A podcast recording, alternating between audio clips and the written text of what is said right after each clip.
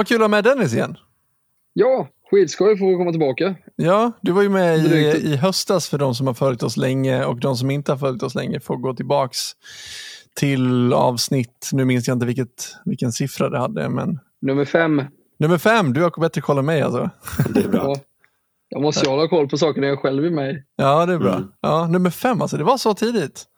Ja, det var bland de första. Ja, det var ett rejält eh, långt avsnitt om jag minns rätt, där vi pratade om, eh, om Hongkong och eh, Hongkongs speciella relation till Kina och eh, de senaste åren.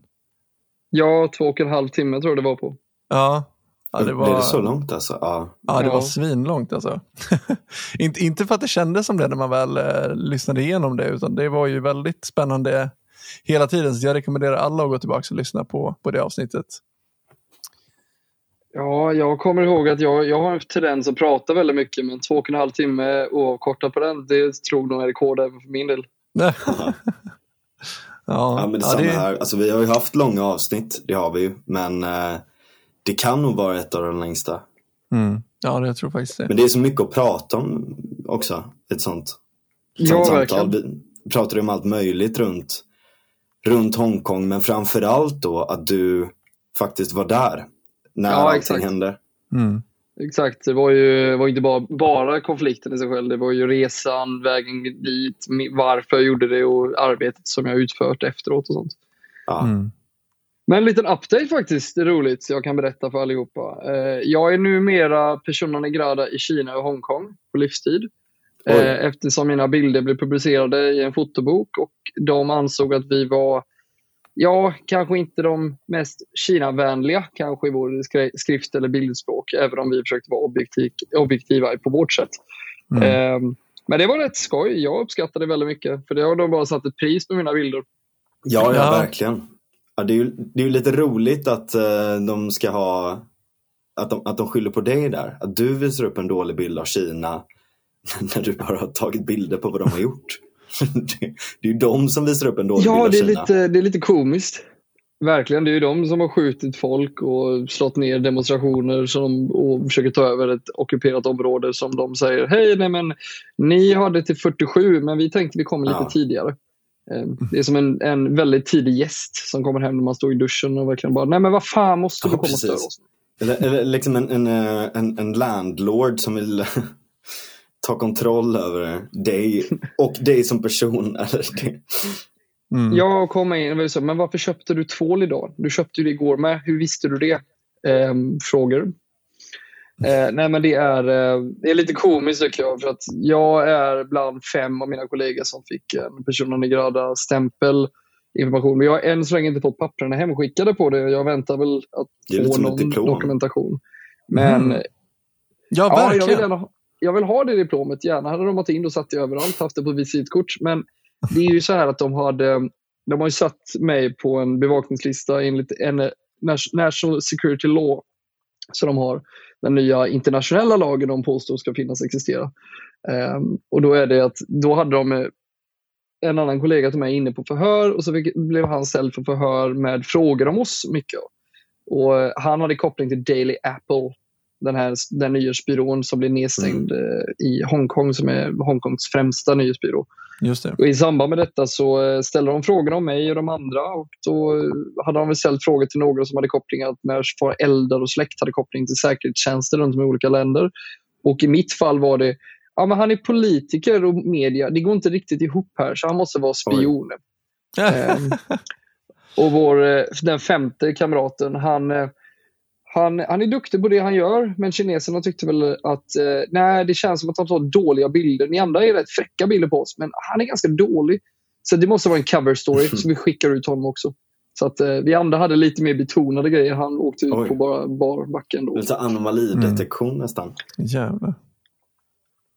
Ja, men jag är ändå nöjd för att nu har de ju satt ett pris på mina bilder. Nu vet jag ju Ja. vad jag är värd. Ja, precis. Ja. Men det är lite ball det där att de skickar hem ett papper papper då? Vad, vad, står det på det? Typ att du är inte välkommen till Kina eller någonstans? Nej, jag, jag har inte fått något papper än, men de säger, de säger, vissa av dem i Hongkong har fått dokumentation att, eh, och vissa har fått det muntligt, vissa har fått det skriftligt att eh, vid, du är inte välkommen längre, du ska vid tillfälle så kan du brytas mot en lag och då kommer de ha en utredning, en kommande utredning. Så den här utredningen är ju aldrig avslutad förrän du blir gripen av dem. Så då har de ju sagt, kollegorna och bekanta och de kontaktpersoner jag har på plats som säger att det är nog bra att inte mellanlanda Kina de kommande tio åren.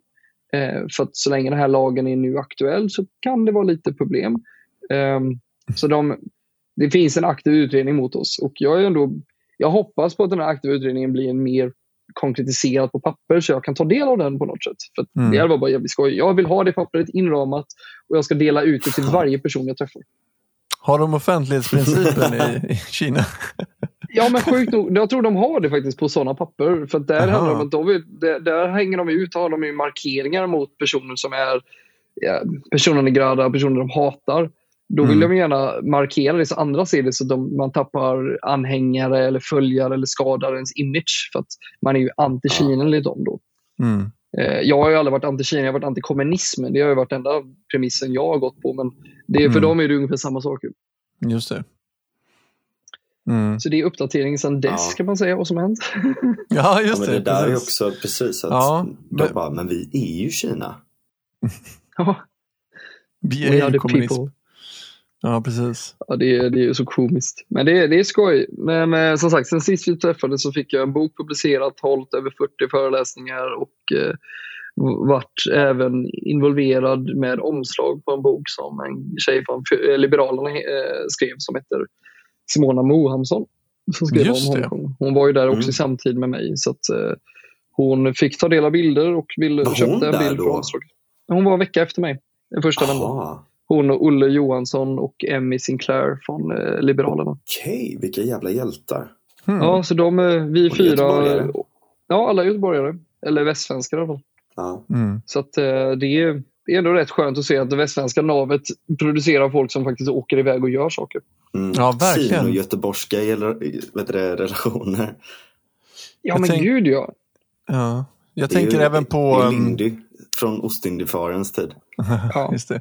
Jag tänker även på om man eh, ska nämna någon mer som åker iväg till eh, problematiska länder och dokumenterar så är det ju Gustav, vad heter han? Göteborg. Just det, Göteborg, exakt. Ja. Som har varit mycket i, Ja, exakt, precis. Eh, som har varit mycket i Belarus, säger man väl, eh, Vitryssland. Mm. Eh, också en väldigt intressant debatt om vad, vilket namn man ska använda på det landet. väldigt ja. svensk debatt får jag säga.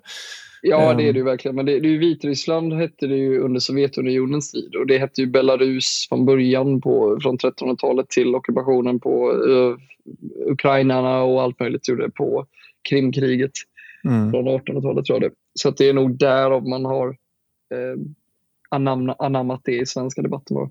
Ja, Nej, men det var ju som vi... Jag, jag benämner hela som Greater Roslagen bara, eller Nya Roslagen. ja, du går tillbaka så långt, vikingatiden. Ja. Ja, nej. nej, men det var ju så faktiskt vi pratade om sist när vi träffades nu i, eh, fre, i fredags. Det var ju jag och Daniel pratade om eh, det med Göteborg, att man har haft så nära till hamnen och nära till omvärlden. Så att det är lätt för oss från Göteborg och historiskt sett också, om man tittar på tagit sig runt om i världen och vågat mm. möta farvågor på ett annat sätt. Mm. Ja, alltså jag hörde det att det tar sex dagar att rida till, eller det tog sex dagar att rida till Stockholm och typ två, tre dagar att åka båt till London. Mm. Ja, det är helt otroligt ju. Ja, det är det faktiskt. Och det, ju, det, säger ju en hel del, alltså våra kopplingar till Amsterdam och till, till England och mm. resten ja, alltså, av Göte världen. Göteborg är ju byggd, av, byggd på grunder av andra människor från andra världar och andra länder. Eh, så vi har ju den starkaste kopplingen och haft, var ju de första som var i Asien från Sverige. Uh, ut från Göteborgs hamn var det man skickade folk till, in, mm. till USA och annat. Så vi har ju ett extremt internationellt nätverk och koppling sedan århundraden tillbaka. Så det är ju inte mm. otroligt att det är Göteborgsbaserade eller västsvenskbaserade personer som tar sig runt om i världen och faktiskt engagerar sig i saker och ting. Mm. Just det. På ett annat sätt. Verkligen. Mm. Ja, det, ja, det är rätt fascinerande faktiskt. Ja, verkligen. Det är, ehm, och också hur det har format kulturen och så i Göteborg. Den är ju distinkt från, från resten av Sverige. Det måste man ändå säga. Ja men gud ja. Det är ju det Mm. att vi skiter ju vem du är så länge du är trevlig och dricker öl. Ja, Ja, precis. typ alltså. Det är väldigt, väldigt västeuropeisk grej. Mm. Sitta, på, sitta och dricka bärs på en bar. På en pub. Liksom. Ja, ja. Alltså verkligen. Det är ju, det är ju något som jag tror det kom med, med eh, engelsmän, om man säger så. Eller från, var inte just för engelsmän, men det var den västerländska kulturen från Västeuropa som du säger. Mm. Mm. Ja, Nej men också, jag menar, Göteborg har ju varit grunden egentligen för stora delar av industrin och framförallt exportindustrin och sådär. Just för Mm. att vi har varit porten ut mot resten av världen så att säga. Ja, men verkligen. Nej, men det, Göteborg har ju haft en sån stark inblick i eh, svensk handel. Det är ju så här, när hamnen hade strejk här, eller när var hamn, hamnarbetarna hade strejk gällande När klasskampen flammade upp och rop om vild strejk spontant bröt fram. Ja men exakt, alltså det, det förlamar ju halva Sveriges import om man säger, och export om man säger, när, det, när det blir en sån grej. Så att Göteborg har så stor påverkan och det är det som är så vackert med stan. Men sen är ju stan Mm. också helt otroligt eftersatt in, infrastrukturmässigt, eh, underhållsmässigt och bostadsmässigt. Alltså det har ju stått till i 40 år. Här. Det är ju därför Ja. vi nu ser ut som en sandlåda om vi ska datera ytterligare podden Ja, och dagens Allting avsnitt. ska göras samtidigt. Ja, det är och så det, social, särskilt socialdemokratiskt utsatt område. Mm. ja, ja, verkligen. Ja, Ja, men det, verkligen. det, man får, jag brukar säga så här, varför tror du vi bygger allting samtidigt nu? Jo, det är för att om vi inte gör det så kommer någon jävla tomte, någon gråsosse eller någon liknande bara nej, men det var bättre för stoppa framtiden igen i 40 år. Och det var bättre alla skulle bara, nu gör vi allt samtidigt så får det vara gjort. Så Mm. kan man inte klaga om, om 6-7 år när det är klart. Mm. Jag tror Ja, det var, kommer hit. var det de borgerliga i stan som bestämde det? Eh, nej, det var, vi var i samråd med höger och vänstersidan när, vi satt när jag satt i KF i Göteborg. Eh, eller kommunfullmäktige får jag säga. Eh, då hade vi beslutet om att vi skulle renovera stan och fixa, alltså fixa ordning den. Mm. Och, eh, det slutade ju med att man, hade, man hetsade fram ganska mycket beslut. Men det var ju beslut som i sin tur hade sin grund. Men det var bara att man pushade beslutsdatumet lite snabbare för att man visste någonstans i grunden att det kommer finnas folk här nu som kommer bara nej men det var faktiskt bättre. Jag spelar ju boll där som grabb på den där gräsmattan så jag tycker inte vi ska bygga någonting för det förstör mina goda minnen. Det är Mm. citat från en sosse i Göteborg som jag satt, satt i samma nämnd med och jag blev ganska frustrerad hur man stopp, vill stoppa byggnation av bostäder när man har den typen av incitament. Och bara, nej, men vi, min tid, på min tid var det fint, då ska vi vara kvar så. Det är ingen som spelar boll på den gräsmattan ändå idag, men det spelar ingen roll för att han vill bara ha minnet. Ta en Ja. bild, vi bevarar. Ja, men det är Precis. verkligen det. Det har varit så jävla NIMBY. Framförallt inne i, i stan. Utan det är så här, okej om ni ska bygga, då får ni bygga där borta och då bygger vi bara miljonprogram. Men det Mm. känns som att, ehm, alltså, typ jag noterade häromdagen, dels vi har, haft, har vi haft med Hulter. Mm. ehm, som, som jobbar med, um, heter de, Framtiden. Ett kon- konstigt namn på ett, ehm, ja det är så kommunalt tjosan i alla fall och eh, sitter för sossarna och så här. Men sen också, det finns en del andra där som är rätt Jimby. Alltså Yes in my backyard orienterade, typ Josef Akar och Ruben eh, och några av dem runt där. Ja, nej, Som- men det finns ju gud, jätt, jättemånga personer i stan som är det från höger till vänstersidan, så det ska vi inte förringa någonstans. Det är bara att vi har en generationsskifte där majoriteten som är för att em, Yes My Backyard-konceptet är att de är under 50. De, Ja, eller strax under Ruben 50. Malmström heter han. Han Ja, exakt. Eh, Och flera andra. Men vi har ett jättestort problem med dem med stadsarkitekt i stan som vägrar bygga ut för att han är ju Nej, men skyskrapor det kan vi inte ha för nej, nej, det är jag som bestämmer. Istället för att tillsätta en kommitté i den här stan som arbetar med kulturfrågor och arbetar med stadsutveckling på Ja, vad kulturnivå. är han för någon jävla diktator egentligen? Nej, men det är nämligen så att titeln är tillsatt på livstid. Så länge du, eller livstid ska vi inte uttrycka med, men så länge den personen vill, vill ju ha ämbetet så är det, han kan inte bli avsatt. Är, är det så på riktigt? Ja, så vitt jag har förstått det så är det, han kan inte fysiskt bli avsatt för han sitter i, som en ord, det är ett personligt uppdrag och där han sitter på obestämd tid. Det är ju helt sinnessjukt. Jag vet hur länge jag vet du, tror hur länge jag har jobbat för att fan lobba att bli av med honom och tillsätta en kommitté med byggherrar, med universiteten, med infrastruktursatsning så man har kompetensområde på det gör. Och inte en person som säger nej men jag gillar rosa hus så alla hus ska vara rosa. Ja, inget fel på rosa men jag tror inte all, vi behöver ha lite frihet. Det var ju inte fram på det där det är också så sjukt. Jag menar, om du nu har en enda person som sitter på den positionen Ja. och så kollar man, okej, vad har byggts i Göteborg på sistone? Det har ju typ bara varit fula grejer. Så Ja. det är inte bara det att man bara väljer en person, utan man väljer en person som har sjukt dålig smak. Ja, gud ja. Det är så Men det- jävla meningslöst. Det är Ja, som det- hela det- den här grejen att här, Gert Wingård, den, den jävla demonen och, och det här Liljevals-grejen, Liljevals heter den väl. Det, det är liksom samma sak där, typ att här, han ska vara någon form av expert på, på det estetiska eller allt sånt där. Läste ni det? Alltså, det har gått från 130 miljoner kronor till 570 miljoner kronor för den där jävla Tjernobyl-sarkofagen. ja, precis. och så, och så kommer den här chefen på Liljevalchs då och, och så säger han typ Ja, så här, jag, eller så här, jag är inte expert på kostnadskalkyler. Jag är bättre på utställningar eller något sånt där. Alltså, det, Ja, det- det är som att det, det är som Åh. att det, det är inte bara liksom ett skämt, det är en spottloska i ansiktet. Mm. Ja, men det är, jag vet inte, såg ni den, eh, den videon som florerade runt nyligen att de skulle bygga en evenemangsstaty på Brunnsparken som är en betongkloss. Så de har egentligen tagit en, en våt betongkloss och sen har man tryckt in massa tältväggar och tak så man får linjerna efter hur ett tält eller som ett paraply fälls upp.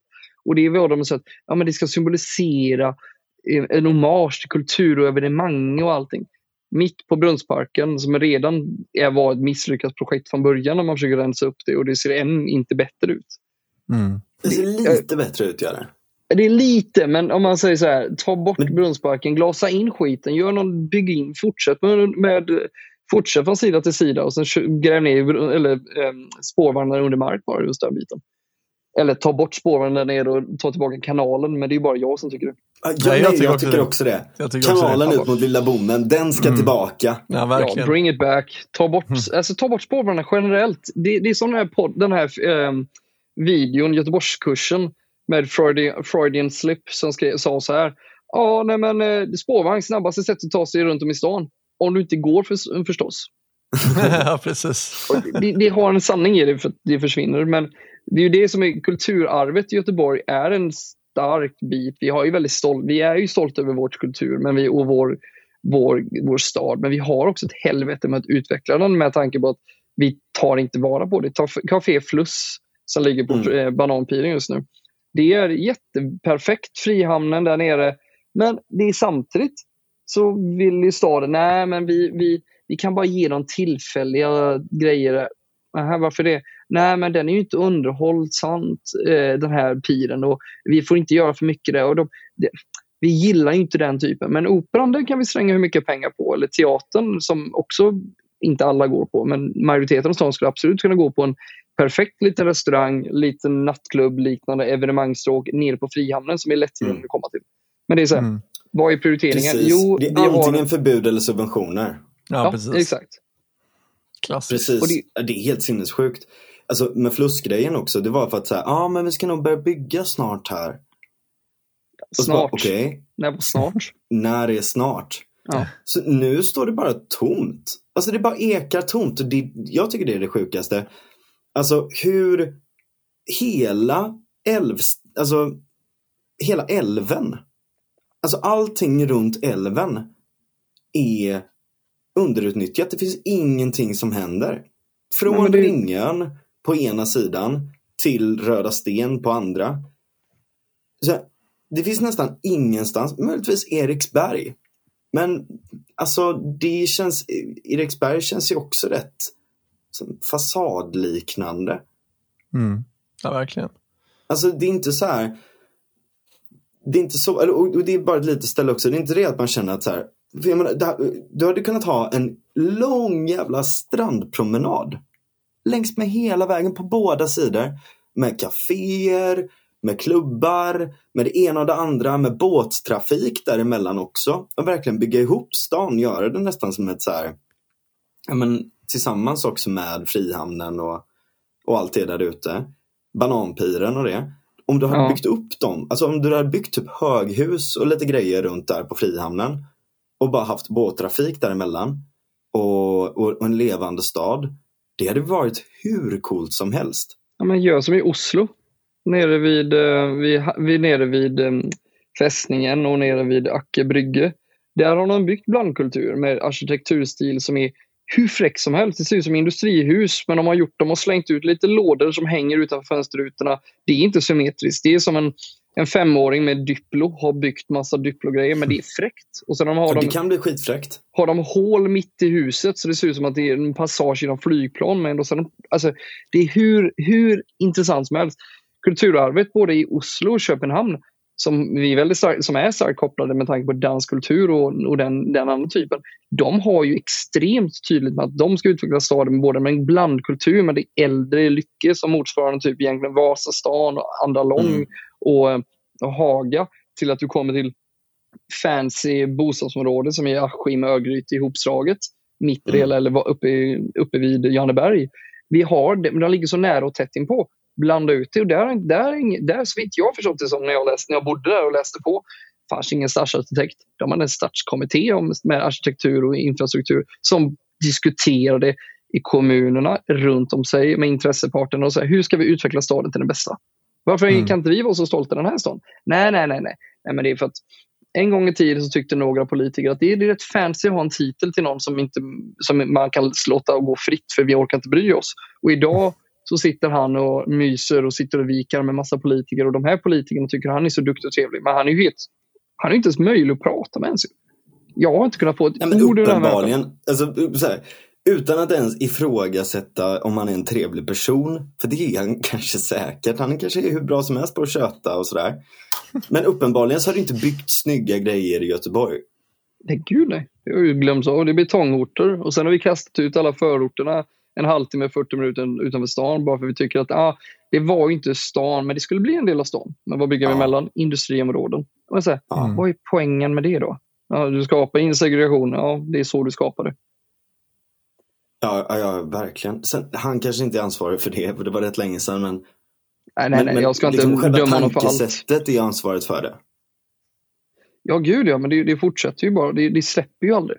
Och det är där jag kommer säga, av en annan grej jag kommer tänka på, det är så här, kulturpolitiken vi generellt har i, i stan eller runt om i landet är ju fortfarande ett segment som blir att vi kan aldrig riktigt erkännas som kulturarbetare för att Arbetsförmedlingen exempelvis tycker inte att kulturarbetare är riktiga jobb. Då, är det så här, då får man söka till kulturavdelningen på Arbetsförmedlingen. Men där är de ju verkligen, ja du måste ha en speciell utbildning. Ja, okej, men det har vi. Ja, men vi kan inte se att du jobbat med åtta saker på ett år. Det är orimligt att ha åtta arbetsgivare. Det känns som du inte du ljuger här nu. Jaha, okej. Men andra former av kulturarbete, ja men det är ju fin kultur. Mm. Och det är den där inställningen jag tror vi har även när det kommer till allt annat också. För det är det här, vissa saker ser vi bättre. Om man säger, Henrik Dorsin brukade skoja om att moderatbio, det var opera. Ehm, Ja. och det, det är lite det vi lägger enorma pengar på operan, som förvisso är jättebra. Det är en av världens bästa op- operetter som de sätter upp här. Men de, de blir ju permitterade exempelvis under hela perioden under, under pandemin. Medan vi i kulturbranschen, i film, vad fick vi? Jo, men du kunde ansöka till någonting. Men om du, inte, om du var a-kasseberättigad, ja, då fick du inte, inte en krona. Mm. Och då blir man Mhm. så, men vad, vad är för kultur du vill skapa? Då, då segregerar du kulturen. Vi som jobbar med film och tv, vi, vi, vi måste vara anställda av fysiska bolagen. Men är du frilansare och går på lön, kan du glömma det. Mm. Och det, vi har en, jag tror att framtiden med både kulturbranschen eller kulturevenemang och sånt här kommer vi skakas runt. För att om man börjar dra åt det här som på Fluss och varit emot dem så extremt folk har varit, eller kommunen har varit, så har det blivit att hur ska vi kunna få en sån typ av blandstad där vi har sådana evenemang när de inte får stött, stöttning av makthavarna eller från media eller något liknande och ser dem bara som att ah, det är ett gråhål för eh, knarkare och pundare och alternativa saker som inte passar in. Jo, Mm. för vi har 65-åriga politiker som sitter och njuter och dricker lite rödvin och snackar skit och så säger de att ah, nej, nej, sånt där ska vi inte engagera oss i. Vi går, vi går på det som är fint istället. Det som jag tycker är fint. Ja, men det är selektivt. Mm. Jag tycker att det har blivit så trevligt på Avenyn nu. Ja, när inga mus- musikanter längre finns kvar. Mm, precis. Det är så trevligt med Skanshof. Det, det, det är så jävla trevligt med Skanshof, men Alltså det här är så sjukt för er som inte är från, från Göteborg då, men det finns ju de som heter, tidigare då så hette de eh, Avenyfamiljen eh, för att de ägde hela Avenyn. Eh, och då kunde man tänka där så här, okej, det är några som får femtillstånd i stan Eh, och det är några som har väldigt, väldigt lätt att få eh, alkoholtillstånd och kontakt runt om sakerna och allt det där. Det råkar vara den här familjen. Eh, och, och nu då så då får du en sån tröskeleffekt. Du, du har ju overhead du får ju overhead eh, benefits av att ha en större organisation så att det växer ju av sig självt just på grund av kontakt med kommun, alkoholtillstånd och hur man hanterar alla de här sakerna. och Så. Eh, också säkert du vet, så här, krogar mot knark och kontakt med polisen och sånt där. Där, där har det Mm. varit en stor skandal ute i Norge nyligen att eh, de som inte har gått med på en del av eh, typ eh, polisens eh, knark eh, eh, utbildningar och det ena och det andra och det tredje har liksom fått sina ställen raidade och sådär också. Men det är en helt annan, och, och det har varit så här extremt mycket lobbyism då från den här eh, narkotikapolitföreningen eh, som kan, ja, men du vet, som är som samma i Sverige, de är helt dumma i huvudet och galna fascister liksom. Men, eh, nej men just det, så i Göteborg då, passus på passus, ehm, så, så är det så då att på grund av att de, tror jag då, har haft den här effektiva kom, kommunikationen eh, och tjänsterna med kommunen så har de etablerat hela tredje lång. Eh, de köper in sig i Majerna. De har köpt upp i princip hela Skanstorget. Eh, och allt sånt där. Till den grad nu att de kan inte längre kalla sig Avenyfamiljen för nu äger de hela Göteborg. Så nu heter de Göteborgsfamiljen. Mm. Alltså, jag har jobbat Ingen för dem. kommentar. Jag har jobbat för dem och jag, eh, jag har eh, varit fotograf för dem och känner vd och annat. Så jag, jag är lite partisk, garanterat, eh, men jag förstår vad du menar. Jag gillar dem. Det är lite...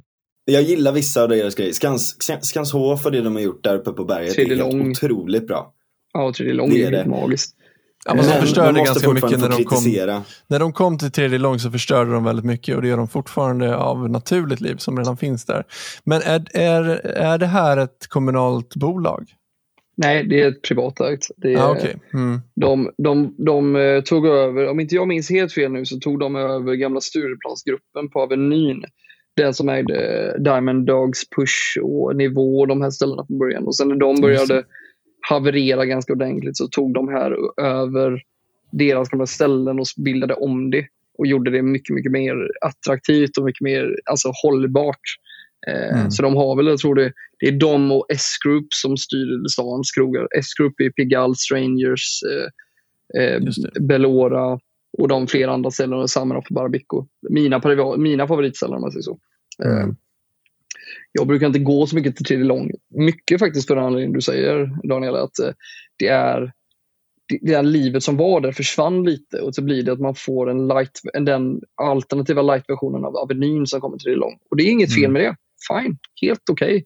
Men jag tror att jag tror att när man har skapat en aura från en tid då Av- Andra Långgatan inte var så mycket Andra Långgatan eh, men blev sen började växa och fick Andra Långdagen och allting så blev det att åh, här är hippt, nu tar vi också över en gata och ser vad som händer. Jag tror att det, Mm. kan, det skadar det naturliga livet i sig själv men det är ju bara en, det är en sån sak som vi får avgöra när vi går ut och försöker välja krogarna och sen går ut. Men jag har inte Ja, varit på jag kan tycka att det kan hjälpa också ibland. Jag, menar, typ, jag tycker att det är bra att någon gör någonting med den gamla biografen på Stigbergstorget till Ja, ja, verkligen. Den är ju så tom Ja, svinlänge. det är väl ju familjen. varit- Ja, och, och jag menar okej. Det jag tycker är synd är att jag tror att det är så många som hade kunnat göra något helt otroligt av den lokalen i den här stan. Det Gud, finns så sjukt, det finns så sjukt bra gräsrotskultur. Men problemet är att ja, Göteborgspolitikerna gillar inte den gräsrotskulturen. det är verkligen en sån jävla schism mellan dem som skapar det där och, och de som sitter på makten. Ja, men jag kan nog säga att jag håller med dig faktiskt där. För att jag tittar lite på Göteborg är, vi har pratat väldigt gott om Göteborg, men den baksidan av Göteborg det är ju det här att vi har en inställning ungefär som i Sällskapsresan med, eh, med Lasse Åberg och dem när han ska åka på semester. Man får inte, spend, man får inte ta ut svenska pengar och sånt här. Det är det här att vi har ett väldigt, väldigt kvarvarande system av att det gamla ska vara kvar på ett sätt som det alltid varit så, så ska det alltid vara. Och Det kan vara okej okay i viss mån beroende på vad det är. Men när det kommer till nöjesliv och kulturliv och annat, då har vi, vi håller tillbaka så extremt mycket. Och Det är därför det är en konflikt exempelvis mellan Göteborgs kulturnämnd och regionens kulturnämnd gällande pengar som de ska använda till exempelvis filmbranschen eller kulturevent. För de hänvisar sig att de pengarna ska vara öronmärkta på något annat istället. Mm. Och det, är, det är ju en sån grej. Jag, jag som jobbar i filmbranschen nu när jag är hemma som några av de få borgarna i den branschen. Och Det är lite roligt tycker jag. för att Jag brukar, jag brukar säga det eh, skämtsamt emellanåt och märker att det finns kollegor från alla dess slag men eh, man hamnar i en viss, alltså, en viss kategori. Men mm. det är också att man märker skillnaden på hur stadens alltså filmliv och kulturliv för filmare och filmbranschen generellt kom, har blivit påverkade utifrån sådana beslut. Och folk säger från högersidan, men varför har vi Film i Väst och varför, varför finns de här grejerna? Jo, men det är för att Film i Väst kom ju till för en sån här aspekt att de, vill, de såg att okej, okay, vi vill skapa film, hur gör vi det? Okej, okay, regionen såg det som en idé, de, ut, de fortsatte utveckla utvecklingen och så blev det en del av regionens egna nätverk. Och sen sponsrar de med lite pengar för att få ut mer pengar på avkastningen beroende på det. Så pengarna alltid går i omlopp och kan investera då. Sen kan man ha en ideologisk fråga, ska, stat, ska regionalt eller staten äga detta eller ska det vara finansierat från privat? Fördelen med det är att de har gjort ett test ju med, med Filminvest. Och det gör att det kostar ju billigare att anställa oss som är registrerade filmarbetare exempelvis i Västra Götaland. Där har de ett spännkrav att om du, om du får våra pengar så måste du anställa folk från regionen. Och då blir det också arbetsgivaravgiften betydligt billigare. Och i det ja. fallet så har man en fördel med det. Det är det jag tycker är ja. för, det, det, tycker jag, men det är för att jag är involverad och jobbar i det. Um, men det är ju det Jo, men jag menar, alltså, så här, jag, menar, jag menar, varför inte ha bara filmbolag som gör det istället? Jo, men det är ju det som är problemet. Vi har inte ett skattesystem eller ett arbetsgiv alltså arbetsgivaravgiften generellt sett i landet. Den är ju hög som fan och när, ingen då, mm. när de har testat mm. att kapa det på detta och bevisligen fungerar det, då är det ett incitament att kunna kapa det generellt. Det är det jag vill komma till. Jo, det är sant. Det är sant. Mm, jo, så är det, det är dit jag vill. Jag är inte ute efter att säga att försvara någonting som är åt det hållet. Jag håller ju med. Vi ska inte ha regionala verksamheter på det sättet. Men jag ser att här har de gjort ett test. Det testet fungerar. Då har vi incitament att faktiskt ta bort det så det blir bättre generellt sett över landet. Och att jag, man kan jag, göra jag, tycker, jag tycker det är lite, problemet med det där blir lite som, som vi var inne på där med, med bostäder och sånt innan. Eller typ om du har en stadsplaneringsdiktator eller arkitektdiktator eller vad fan som helst. Att när, när du organiserar det på det sättet så blir det rätt så här, nej, liksom. Det blir, det blir inte så bra. Nej, men det håller med. Det, det, är mycket, Nej, men det, blir, det är exakt en del svensk film är ju bra, men jag tror att det hade, det hade blivit mycket bättre om den blev mer konkurrensutsatt. Och mm. det är ju lite så här, typ när svenska kulturministern säger att hon inte kollar på svensk film när hon Nej. går på den här galan. Borde inte det vara ett wake-up call? Ja. Jo, det är det ju verkligen. Det borde det vara. Men det är också det, det som med den som du säger, det är också det hur man har porträtterat svensk film under så många år. Hur man inte följt trender, man har inte skapat någon nyskapande. De få nyskapande filmer som har faktiskt vunnit priser, de har ju stuckit ut. Som mm. The Square och flera andra. Alltså, Svinbra, en av mina favoritfilmer. Ja, ja men du ser, den är, så skev. Ja men exakt, den är skev men den är också väldigt bra. Det är en, kultur, en riktig kulturfilm som ja. skapar en, en bubbla, ett, ett vakuum. Men istället så matar vi film på film på film i kulturbranschen som egentligen vi vet, som vi själva när vi läser manus vet om att det här kommer ju aldrig gå hem. Fy fan. Den här. Men vi matar den för vi jobbar med det och vi, vi får uppdragen för vi måste ha peng- mat på bordet också. Ja, Men det blir en fråga- industri. Det blir, det blir nästan lite, ehm, ja det blir, det blir som ett löpande band. Liksom. Det blir en, ett helt annat sätt att se på kultur som, som kanske egentligen inte passar kulturen överhuvudtaget. Nej, Men, det exakt. blir så eftersom vi måste ha lite grann som du var inne på att, att vi, vi har ett system där du ska ses som att du har ett vanligt jobb när du jobbar med kultur. Att Ja. annars så ses du inte som en... Eh, men man gör liksom ingen skillnad där utan alla ska vara exakt likadana, alla branscher på ett eller, på ett eller annat sätt. Liksom. Men också den här typen att så här, ja, nu ska vi fylla upp våran kvot så att vi får fortsatta medel. Så nu Mhm. måste någon sätta sig och skriva en film här snabbt som fan. Ja precis, det är så oromantiskt. Att det. Då ska vi komma in det underbara ämnet som jag tänkte faktiskt berätta för er. Det är ju Ja. så här att det är ju filmbranschen. Vi får ju inte, det, manus blir ju greenlightade långt innan, de ens, innan det ens finns en premiss i manus. Så de kommer egentligen med en synopsis som är en sån sammanfattning Älskar av manus. ordet snopsis. Synopsis. Alltså du, det lilla. Förlåt. Men då får, vi får de här då. Och då får du så här, ja, men vi, vi har en idé. Du och jag säger, vi, eller vi är tre nu, så här, vi ska göra en film. Eh, det handlar om att du går över gatan och så blir du påkörd. Eh, och sen en twist, vi vet inte vad som händer. Nice! Du kommer till personen, boom! Eh, dog han? Levde han? Blev han av med ett ben? Eller fick han skadestånd? Who knows? Det är där vi säljer in. Buff, så har de fått anslag. Så börjar man dra igång manusarbetet och då har du från starten, då får du pengar för att du skriver klart manus. Istället för att skriva klart Det manus kan ju gå lite hur som helst. Ja, det, det, sjukt nog är det så sant det här. Eh, då, då har du där, och då har du åtta månader innan kanske start och produktion. Då ska manus vara färdigt och ihopskrivet och alla ska anställas. Men där under den tiden så lägger du, ska du får du pengar för att du ska skriva om manuset hela tiden. Mm. Och det slutar ju bara att vi kanske inte får riktigt manus som måste jobba administrativt bakom filmkameran för att se till att det här ska lösa sig i tid. Nej, nej, nej, nej, nej, säger de. Nej, det kommer, det kommer. Vi skriver om det. Jaha, men de, vi ska hitta locations, alltså inspelningsplatser som vi måste hyra och kanske boka upp juridiskt i flera månader eller whatever. Nej, nej, nej, nej det tar vi sen. Och då får man säga, ja, du får prepptid två veckor. På 180 ställen. Jaha, jaha, så vi ska ha tillstånd på 180 ställen löpande. Ja, det får ju du bara lösa, säger man då. Och, va? Vad sa du nu? Det ledde till att jag gick in i väggen för en sån anledning. Och jag och andra kollegor som har gått in i väggen för samma anledning. Och det har varit en sån här extrem nu. Nu börjar filmbranschen börjar öppna upp ögonen för detta. Att det börjar bli ohållbart att mata film på film på film utan att riktigt förstå sig på den här konsekvensen av att vi kan inte ha, vi har för lite filmarbetare i dagsläget än vad vi har produktioner som är på väg att planeras. Det betyder att alla vi kan som jobbar med någonting kan öka öka våra statusar eller få andra roller. Nu ska jag tillägga, jag gick inte fullt in i väggen men jag blev sjukskriven sagt, för utmattning av att jag jobbade nästan alltid ihjäl mig. Men det är ju sådana här grejer, då har du ett ofärdigt manus som inte är greenlightat. Sen går det, får de pengar för detta och då får ju regissören som ska skriva det pengar under perioden för att skriva klart det. Tekniskt sett så kunde ju han, haft en idé, han eller hon haft en idé och skrivit klart det tidigare, fått pengarna om man var ekonomiskt var smart och plocka undan det. Men istället så utnyttjar man ju lite systemet. Sen kostar ju filmer mellan 27 till 50-60 miljoner utan problem. Men då får man ju titta på att organisationsmässigt så är det ju hur mycket grejer som runt. Alltså det ska vara löner, arbetsgivaravgift, skatter på det och transporter och hitan och Mm. ditan. Så det, det är ju Mm. kostsamt på det sättet.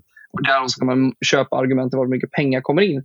Men ambitionsnivån i filmbranschen är ju inte att ah, nej, men vi har ett manus som ungefär du blir påkörd av en spårvagn. Kunde du överlevt? Kunde du blivit av med ben? Fick du skadestånd? Det får vi se sen.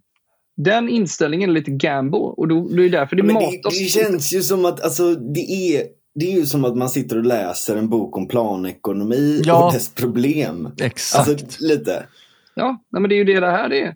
Det är ju Ja. det som är så roligt. För att sen vet man ju, sen vet Det ju som alla. men, Mattias Svensson sammanfattar, typ.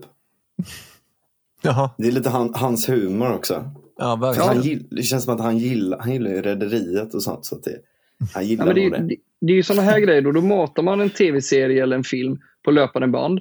Och sen får du gå och sen har de spänkrav på det. Och då får du inte spara. Och sen pengar. Och sen spara. Om det är så här också, varför tror du en film varför tror de flesta då går över sin budget på filmbranschen? Jo, det är för att om du inte går över budgeten för att markera att det kostar dig mer så får du mindre pengar nästa gång och det betyder att du får mindre arbetskraft också till slut. Kanske ja, precis, du går tillbaka. Precis. Ja, men det var det jag menar. Ja, exakt. Mm. Ja, tack. Men då var det, då var det på samma spår. Och det, det är ju som en kommun. En kommun kan ju bara, ja, men vi får öronmärkta pengar, men vi spenderar mer pengar. Ja, för vi kommer aldrig gå i konkurs. Medan här Mm. kan du gå i konkurs med filmerna. Men istället Mm. så har ju alla vi som jobbar med det så enormt hög arbetsmoral. Så vi jobbar halvt ihjäl istället och släpper familj, vänner och liv under en kort period. Och sen om tre månader så ligger den på Ullared för 10 spänn lådan och sen har du så ah, den bröt jag nästan benet för. Mm. Ja. Ja. Och då tittar du på att hur mycket, och då vill jag då gå in på att hur kraftfullt vi jobbar som är så antingen utbildade eller självlärda eller jobbar arslet av oss och gör de här grejerna. Och sen har vi en regeringar, eller regering och eventuellt en kommande regering om vi, om vi utgår från att Moderaterna de skulle vinna valet, som anser att kulturbranschen och kulturfolket, ja, det är inget riktigt jobb. Mm. Jaha, nej, nej, nej men vi, vi bara sliter röven av oss för, din, för att du ska ha något att gå med dina barn på film på. Men om vi skulle sluta göra det, då tycker du att nej, nej varför blir det inga filmer i år? Det är lite moment 22. Du, Mm. du ska ha det, men du kan inte ge oss någon möjlighet erkännandet heller. Att vi har faktiskt erkännandet, att vi faktiskt bi- bidrar. Filmbranschen består 80% av frilansare som är egenföretagare. Mm. Ja men och där är också, det är så sjukt tydligt tycker jag också, alltså lite, lite den här allmänna synen på, på kulturarbetare typ under pandemin när folk blev så upprörda över att så här, folk som verkligen hade ett förbud från att arbeta och inte har samma som a-kassesystem eller det ena och det andra system, att de skulle få stöd. Alltså folk, folk blev helt rasande på det här och bara Ja, men, de ska inte ha några pengar, de har det bra ändå. Ba, typ. ja. Men var inte det väldigt mycket för att eh, Jonas Gardell gick ut och grät i media? För han ska ju alltid liksom ha, ta på sig offerkoftan och ställa sig längst fram och gråta och visa att det är han det är mest synd om. Ehm, och det var väl lite grann det som blev reaktionen då, när han ska vara den som typ tar på sig att representera hela kultur hela kulturen och då blir ju folk liksom, aha okej, Men, är men det andra sådana som han? bara rent liksom? om ingen gjorde det. Ja, jag visst, jag säger inget så, men jag menar bara att jag tror att han förstörde det väldigt mycket för alla andra för att han lite grann tog på sig att vara posterboy för hela rörelsen och det, det var nog inget bra move om man vill ragga liksom, sympatier. Mm. Nej, det kanske är sant. Det kanske fick negativ effekt. Ja, jag skulle tro det alltså. Jag vet inte. Det är lite det, alltså, en annan person som jag vet har försökt ta på sig alltså, offerkofta för kulturbranschen, det är ju Alex Schulman. Och den människan Ja. har jag ju så svårt för. Och han, han försöker ju hänvisa, han försöker skriva sina böcker, vara kulturvetare, kritisera filmer, göra sig narr av saker. Men han själv skiter i blåskåpet hela, hela tiden. Där han själv är egentligen hur rik som helst och klarar av att göra de här grejerna. Men tycker att ja, men vadå, jag är ju berättigad till kulturstöd för mina böcker eller mina, mina, mina scener eller vad jag ska göra och allting hitan ditan. Och det är det jag tycker är så här, man ska inte, vi behöver inte offer, eller offerkoftor som springer runt och leker att de är, tillhör den här kategorin av människor bara för att de själva har rampljus. Belys problemet att arbetsvillkoren är fruktansvärda istället. Att det finns folk som jobbar halvt ihjäl sig. Att det är överdrivet mycket pengar som går åt för saker och ting för att folk inte eh, greenlightar projekt innan de är klara. Det hade ju varit så mycket smartare. Bara egentligen, Okej, är du klar med manuset? Ja, men alltså, Ja. jag menar, I en vanlig organisation så hade man ju, och det här är också det sjukaste. Det, det är verkligen en sån paradox som man möts av så, så många gånger. Att i, på samma sätt som att i, i det här fallet, om du nu har några personer som verkligen är ansvariga för typ bygga vackert. Så, här, så kan man ju förvänta sig att de gör det. Och jag menar i det här fallet, om du nu har en eh, organisation styrd av typ regionen. Då kan du förvänta sig, för, liksom, åtminstone det minsta lilla, kan du förvänta dig att det kommer vara schyssta arbetsvillkor. Ja. Om Nej, men- någonting. Regionen har ju, det, alltså, nu, nu får vi bara göra en särskiljning. Film i Väst är ju bara ett spännbolag egentligen på regionen. Det är de som är finansiärer. Och de sätter högre krav. Men sen har du kanske X bolag som är produktionsbolag. Som är ett tomt kontor med fyra personer som outsourcar till frilansare. Det är de som är ofta som ser, ah, men vi gör den här häftiga filmen. Vi spränger ett hus någonstans mitt i stan. okej, okay, men har vi tillstånd för det? Nej, men vi löser det. Nej, men det är det här, vi fixar det som har knäppt med fingrarna. Det är som, både du och jag Frans har jobbat i valrörelser. Mm. Hur många gånger har inte man kommit på massa dumma idéer? Ja, men vi gör det här, vi aviserar där. Och så kommer man, nej men det får vi inte göra för lagen säger emot. Man har ett konsekvenstänk ja. kanske. Ja, Eller olika jag saker. Jag har inte det. Jag har varit den personen som säger det löser sig. Ja, jo, du är det. Jag kanske har konsekvenstänket här då. Men man mobiliserar en stor folk, en grupp massor, en massa av folk som ska jobba gratis. Och sen ska de göra det här nattetid och obekväma tider och så ska man jobba och jobba och jobba tills man nästan sover i sin egen avföring. Alltså, det är inte långt ifrån filmbranschen när man går in där och jobbar. För då är det, där är det arbetsvillkor åtta timmar per dag. Alla de här grejerna gäller. Men så tummas det väldigt mycket. Det tummas på tider, luncher, arbetsrätt och annat. Och sen har de förutsättningslöst att säga att nej men det här, det, vi har ju andra som klarar detta. Och om du inte klarar det, då byter vi bara ut dig. Och Det är den där mm. maskineriet som blir problemet i, film, i, i specifikt kulturbranschen. För jag pratade med en tjej som är dansare som jobbar inte i film. Hon jobbar för dans eh, och uppträning på, typ, för, på tv och annat. Och hur deras arbetsvillkor är att ah, men, vi, eh, ni bara dansar lite så ni får 500 spänn. Mm. Men jag är alltså färdigutbildad femårig professionell dansare, varit på uppsättningar. Ah, ja, men vi har inte råd att betala mer 500 spänn.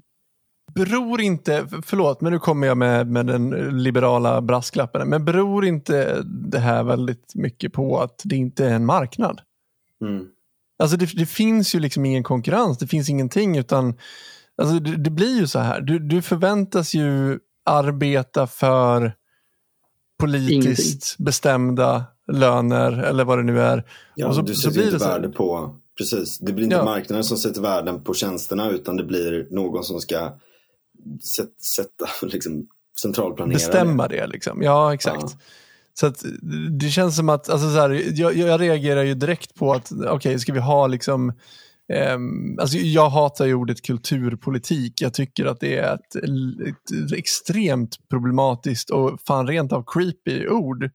Uh, och jag tror att just sådana här resultat, eller det här blir ju resultaten utav, utav det, den sortens tänk. Eller vad tänker du om det Dennis?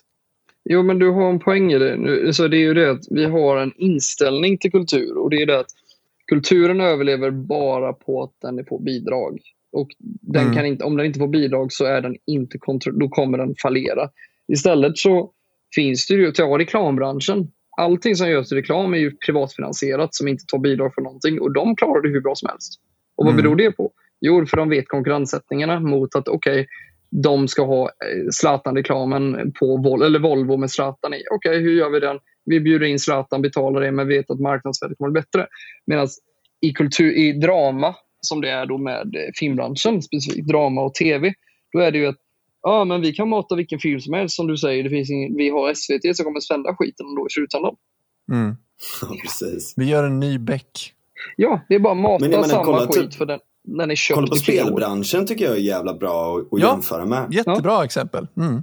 Alltså svensk spelbransch är ju typ en av de mest, alltså, om vi säger per capita, så mm. är svensk spelbransch typ bäst i världen. Mm.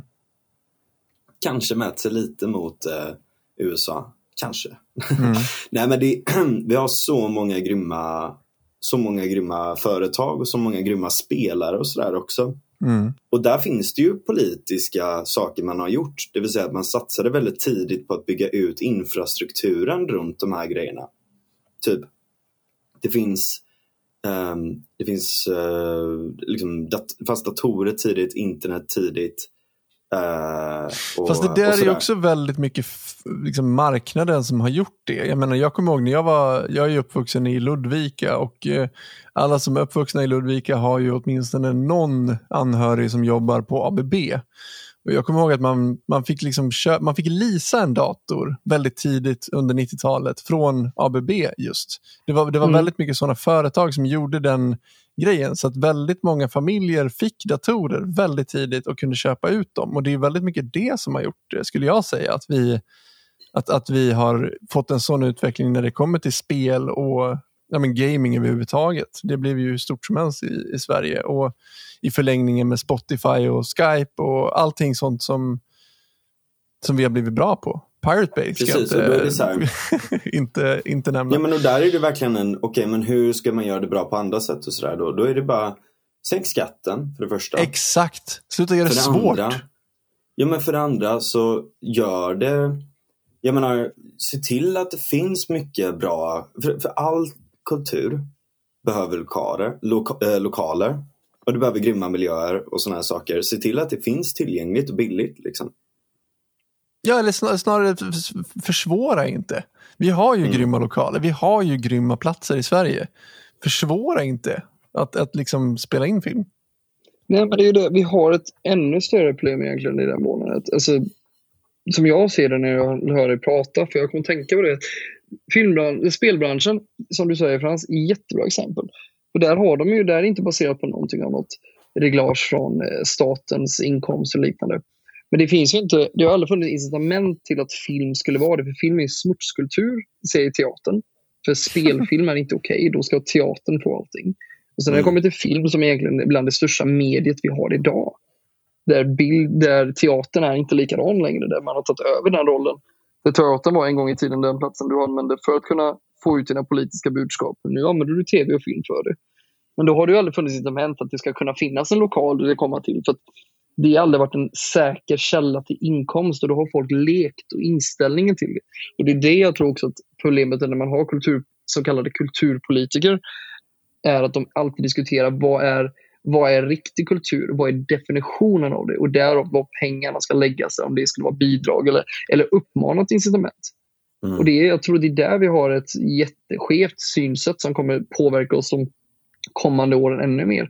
Än mer också beroende på vilken regering vi har. För att skulle SD hamna i regeringsställning med Moderaterna och KD exempelvis Mm. så kan vi titta på hur de resonerar i Västra Götaland när de uttryckte till oss och sa så här.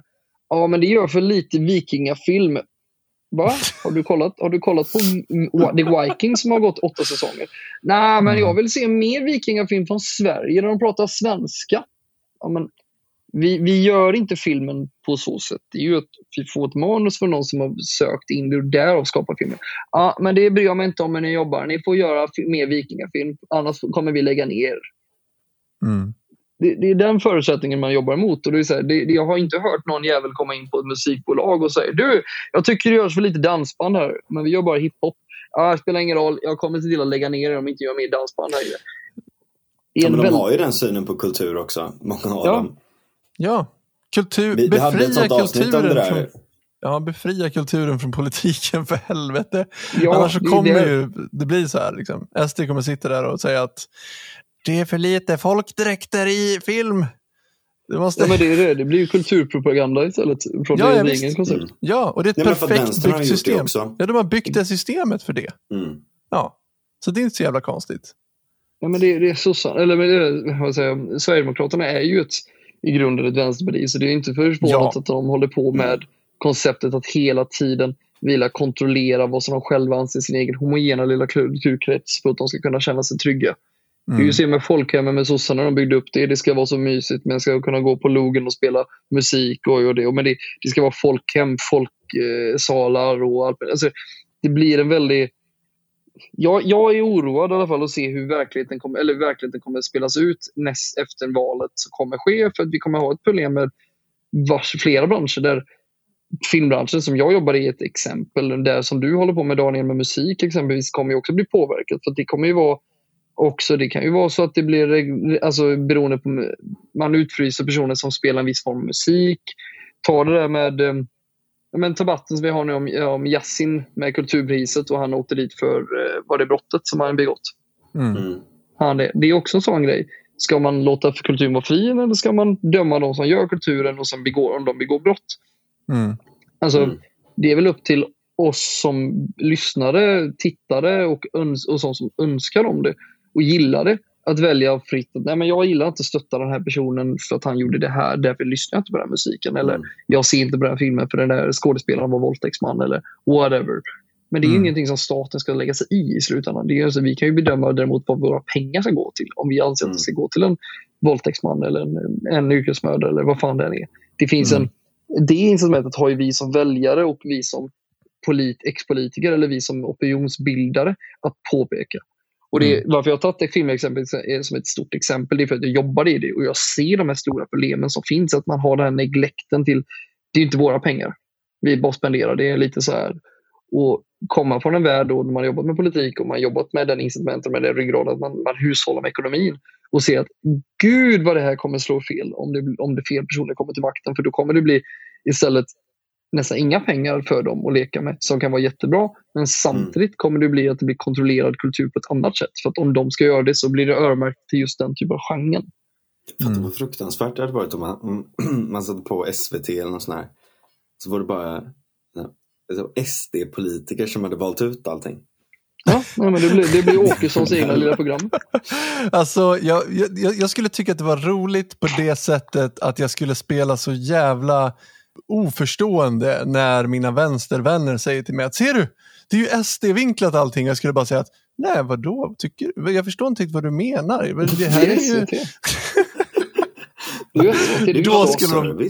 Tycker inte du det är viktigt ja. att vi har en demokratisk eh, public service? ja, som, som tar upp alla åsikter från alla bitar och eftersom att vi inte får i vanliga fall höras så är det viktigt att vi får komma fram i något medie. Och så om det är statligt eller inte, det spelar ingen roll. Ja, det så... Vi kan inte låta marknaden styra över sådana här saker. Vi måste grundlagsfästa det här. Precis. alltså gud, jag, jag, jag är bara liv. Nej, men jag, bara, jag, jag, jag tänker bara på det Okej, okay, så vi kommer gå in mot en värld med kulturpolitiken där kulturpolitiken i sig själv är så absurd för att det finns inga regleringar eller och, som det inte ska vara egentligen. Men man, man, man, det är som att ha ett durkslag. Det, man fyller det med vatten och hoppas på att vattnet ska vara kvar. Det kommer sina mm. igenom. Och I det här fallet så sinar det ännu mer för att nu är durkslaget börjat rosta i botten också. Mm. För hur mycket pengar som spenderas. Alltså jag har inga problem med att kulturbranschen får pengar statligt men jag anser också att det ska vara mer privata finansiärer som lägger sig i. För att det blir en kostnadsfråga som vi kommer få ta smällar för hela tiden. Och då blir det ju så att jag då som filmarbetare går led, kanske arbetslös fyra månader för att det inte finns någon film. Ja, men då får man jobba på annat sätt. Jag måste ju mm. hitta mitt incitament och det gör jag ju genom mitt värld. Det är därför jag är fotograf också och kan jobba med andra grejer. Men tittar man mm. blint på branschen så är det ju, ja men det tittar på, jag vet inte hur många under pandemin jag mötte som är kulturverksamma på något sätt som de är musi musiker, de är filmarbetare, de är scenarbetare. Alla klagade på att de inte hade jobb. Men jag sa, men ICA söker jobb, söker folk fortfarande. Du vet, toa, toa, toalettpapperskrisen, den tog ändå hårt på dem så de behöver mer folk. Alltså, mm. Mm. Ge dem möjlighet, alltså skapa möjligheter. Men det, det är också det att filmbranschen är ju en mycket vänstervridet folk som anser att det är viktigt att man ska ha en, jag vet inte, man, man är berättigad till att jobba där. För att det är, fin, det är fint och då ska man stoltsera och vara exotiskt. Medan jag ser det mer som en, det är ett arbete. Jag går dit, gör mitt jobb och går hem. Mm. Ja men om man eh, också det att om man vill göra det till ett heltidsjobb då får man ju ligga på själv också. Och, ja, och se alltså... till att jobba med människor som gör grejer och sådär. Mm. Ja men det är som att vara musiker typ. Jag menar, mm du kan ju inte få pengar bara för att du sitter och plonkar på en gitarr någonstans. Utan du måste ju get up there and do it. Alltså det, är, det är så konstigt vi har bra svensk musik också skulle jag ja. säga. För att man satsar på kulturskolorna och sen så får folk. Det som är så konstigt det är att vi skulle ju aldrig tänka så här när det kom till sport till exempel. Alltså på det sättet. Nej. Utan där är det helt självklart att liksom, om du ska kunna leva på på att sporta då överhuvudtaget. Måste då måste du bli bäst på det. Det är ingen jävla mänsklig ja. rättighet att, att få spela fotboll. Det är enklare att tänka på sport, alltså för att det är mer så här, där har du ju rätt fasta parametrar för vad som är bra och rätt. Liksom. Men det är samma sak när det kommer till kultur. Och det, ja. det håller jag stenhårt på. Jag tycker att det är så jävla konstigt att det har blivit, alltså att, att mjuka värden, att man tror att allting måste mätas kvantitativt, även mjuka mm. värden. Alltså, det, är inte, det är inte ens sant. Bara för, att, bara för att en bransch ska kunna bli eh, lönsam så måste man mm. kunna kvantifiera den. Och det är inte sant. Det är bara när du gör det via liksom, det offentliga eller staten där du måste kunna kvantifiera allting. Det, det, funkar ju inte så när det kommer, alltså sport är ju också kvalitativt. Alltså, du, du, menar, du, du, inte, du kan ju inte kvantifiera hur bra någon är på fotboll. Liksom. Det är ju någonting du vet om någon är bra på fotboll bara. Det är ja, precis samma det. sak. Mm. Ja men exakt, det är exakt samma sak där. Man kan ha olika spelstilar och sådär. vara olika bra på att spela i lag eller det ena och det andra. Precis, och vi har auktoriteter som är tränare inom de här sporterna som vet, som deras jobb är att sätta ihop personer som de vet kommer fungera bra ihop. För det, det här är ju en typ av konst det de håller på med. Och, och vi skulle ju aldrig liksom eh, vi skulle ju aldrig ifrågasätta deras auktoritet för att vi märker om de är bra på det. Och det mm. skulle jag säga, det är samma sak med kultur. Vi märker när folk är bra på det. Det är ingenting som vi behöver någon politiker som, som sitter, eller, eller liksom bara det här bedöma. Säg att vi skulle ha någon, någon alltså att, att, att sporten var politiskt styrd, när man sitter och bara så här, mm. jo men vi behöver ha fotboll, så att eh, vi ska ha, vi ska ha fotbollsspelare som springer runt här och sparkar på en boll och ja, det, alltså, det, ja, men där, man fattar där, ju själv. Jag håller med dig fullt fast där. För, men jag ska bara flika in och ta ett exempel. För jag vet ju i Göteborgs stad så var ju den nya multisportsarenan som var förslagen att bygga vid eh, Valhalla.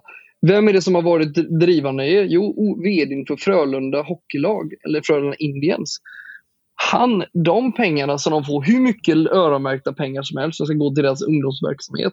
Och de har hur mycket sponsorer som helst och kan alltså från egen ficka bygga den här multisportsarenan. Men de anser sig vara berättigade till detta och då lobbar politikerna ja. till detta. Istället för att bli ifrågasatt. Och jag säger, men det finns ju Skandinavium bredvid. också när du ska du ha multisportsarena mellan Ullevi? Alltså vi behöver inte så mycket, så många... Alltså, det är så dumt. Vad är det du, är så, Tobbe igång Frölunda Om vi bygger ut den här då får du några specialplatser som du får sitta på. Ja, gud ja. Det är ju det han säger också. Och sen går han runt och höjer priserna varje år för att få bort personer på släckan som är vanliga, vanliga medlemmar. För de vill bara ha sponsorer på läktarna för att kunna göra det. Men då har de ju ännu mer pengar. Varför lägger de inte pengarna själva? Nej, nej, mm. för det är ju då, då, då gynnar det oss alla plötsligt för att de ska få det. Ja. det där har du verkligen, men det är ju för att vd är en gammal politiker också eh, för Moderaterna. Så det är ju därför han är extremt, extremt noga med att påpeka att politiker ska göra det.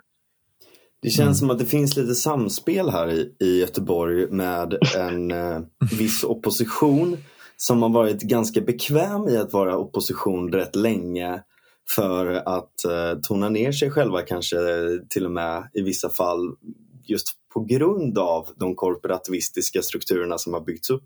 Jag förstår inte eh, alls vad du menar Frans och samtidigt garanterat eh, vissa socialdemokraters eh, makt. Då. Men alltså, det är ju bara en vild spekulation. Här. Ja, det, måste vara, det är en väldigt, väldigt lång spekulation. Jag har aldrig hört talas om den tesen innan. Mm. Alltså, vi, nej, nej, gud nej. Vi har aldrig pratat om det här på fyllan innan heller. nej, det är jävla... Nej, men det, det är nej, så... nu, nu går vi vidare från, från det. Och jävlar, nu distar det till och med. Nu går vi vidare från det. Det kan vi inte prata om. Jag vet en, en, en, en rolig, ett roligt exempel Eh, på där det är en ganska fri marknad. Alltså, och det, här, det här är så roligt. Eh, de har inte någon fri marknad på något annat ställe men däremot så har de fri marknad på musiken och det är bland den bästa musiken som finns. Kuba. Ja. Va? Men, men, men, nu hängde jag inte med. Ja, men, du vet, för att de, de har ju typ totalt reglerat allting. Mm. Till den graden att eh, ja, de håller på att kollapsa under sin jävla korrupta vikt. Nej, men nej, ehm, det handlar inte om det. Det handlar om coronavaccin ju. Just det, och, och, och alla blockader och sådär också. Det globala kapitalismens fel.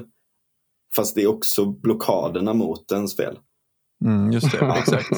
Så att ehm. socialism klarar sig inte utan kapitalism då alltså. Precis, men de har ju det, alltså de, de, där är ju liksom, de har ju ett litet, litet område där de har haft en hyfsad fri marknad. Uh, och det är ju deras, uh, deras musik då som de spelar för turister och allt sånt här. Mm. Det är ju mm. skitbra. Alltså, det är ju svinbra musik. Alltså, det, är, det, är det, det ultimata exemplet på det här då? Ja men det är ju frihetsrörelse på ett samma sätt. Typ. Mm. Nej, men det är ju lite roligt. Det är det här med vem som säger att Kuba inte klarar av sig med eh, eh, ja men det är blockaden. Ja, men du vet, det är bara USA som har blockad, så är det amerikansk politik de måste gynnas av för att de ska kunna bli fria. Eller det ni syftar på, eller va? Ju, jag köper fortfarande de, eller nu, jag köper inte dem, men man kan fortfarande köpa de sketdåliga kubanska cigarrerna som finns. Mm. Eh, runt är de dåliga? Ja, de, de är ju hypade för amerikanska filmer. Det är den enda ja. anledningen. De smakar ingenting. Jag, jag köper, köper från Sydamerika liksom. Det är mycket kommunister inom eh, amerikansk film så att det har blivit en grej där då att de ska göra reklam för kubanska cigarrer. Nej, men jag tror att det är förbjuden frukt bara. Man fick Ja. inte köpa kubanska Ah, cig- okej. cigarrer. Det, Därför det är roligare med någonting som grej. man inte behöver äta eller dricka. Om man säger så. Mm. Just det, det är sant. Kapitalistiskt. Ja, men exakt. det skapar ju marknad på sig själv. Det är därför, de, Ja. det är därför en kubansk cigarr i Sverige kan kosta mellan 300 till 400 spänn. För att Mm. de, marknaden är, amerikanerna har ju, hade marknaden kommit till USA så hade du tappat 300 spänn på bara priset på det. För då hade ju USA Ja, köpt upp varenda jävla grej. Så det är ju en sån här grej. Det är ju en tillgång och efterfrågan. Men Kuba Mm. har ju en fantastisk, eh, absurd koncept att de har haft en revolution sedan 50-talet som fortfarande är igång. Den ständiga revolutionen. Och så har revolut- revoltörerna dött eller avrättats eller flytt. Så vad är kvar? Jo, barnbarnen typ som inte riktigt har fått någon, någon handbok till vad fan de håller på med. är det, Var det du som berättade det Dennis häromdagen att de, får inte, de har C-vitaminbrist? Ja, Ja, just det. Vad Och fan var det? de får inte plocka, även om det växer alltså typ apelsiner som de hade kunnat käka och så Ja. det löser sig så får de inte ens plocka dem. Nej, alltså det, det här är vad jag har hört av vänner på Kuba, vänner som har jobbat på Kuba och även alltså politiker från bägge sidor runt om i världen som har varit på Kuba på besök. Så jag har inte varit där själv så jag kan inte säga att det här är förstahandsinformation men jag har fått den av så pass många personer i olika konstellationer som är oberoende av varandra att jag, jag är rätt hundra på att det här stämmer. För att det här är så att de har, det, det, det här är däremot basfakta, att de har världens största C-vitaminsodling eh, och plantage från apelsiner, clementiner och C- och C- ja, C-vitaminsfrukter kan man säga.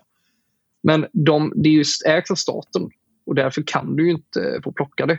Och det är, det, tittar man på allt annat så är det ju så här, ta, ta exempel på den här välkända bilden på Che Guevara.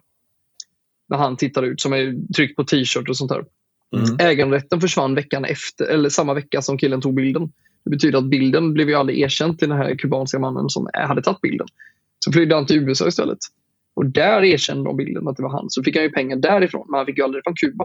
Och den har ju blivit den Mhm. mest tryckta bilden som de någonsin haft. Men han, han, fick, han tog det bara som en pressfotograf och så bara, ah, nu visste jag, vi har, nu, vem äger bilden? Jo, staten äger bilden. Och det är samma med C-vitaminsodlingarna som jag har förstått det som. Och det är, eh, jag har en vän som är där just nu som kom från Kanada som åkte ner i samband med den upproret som de håller på med, eller massdemonstrationen de håller på med.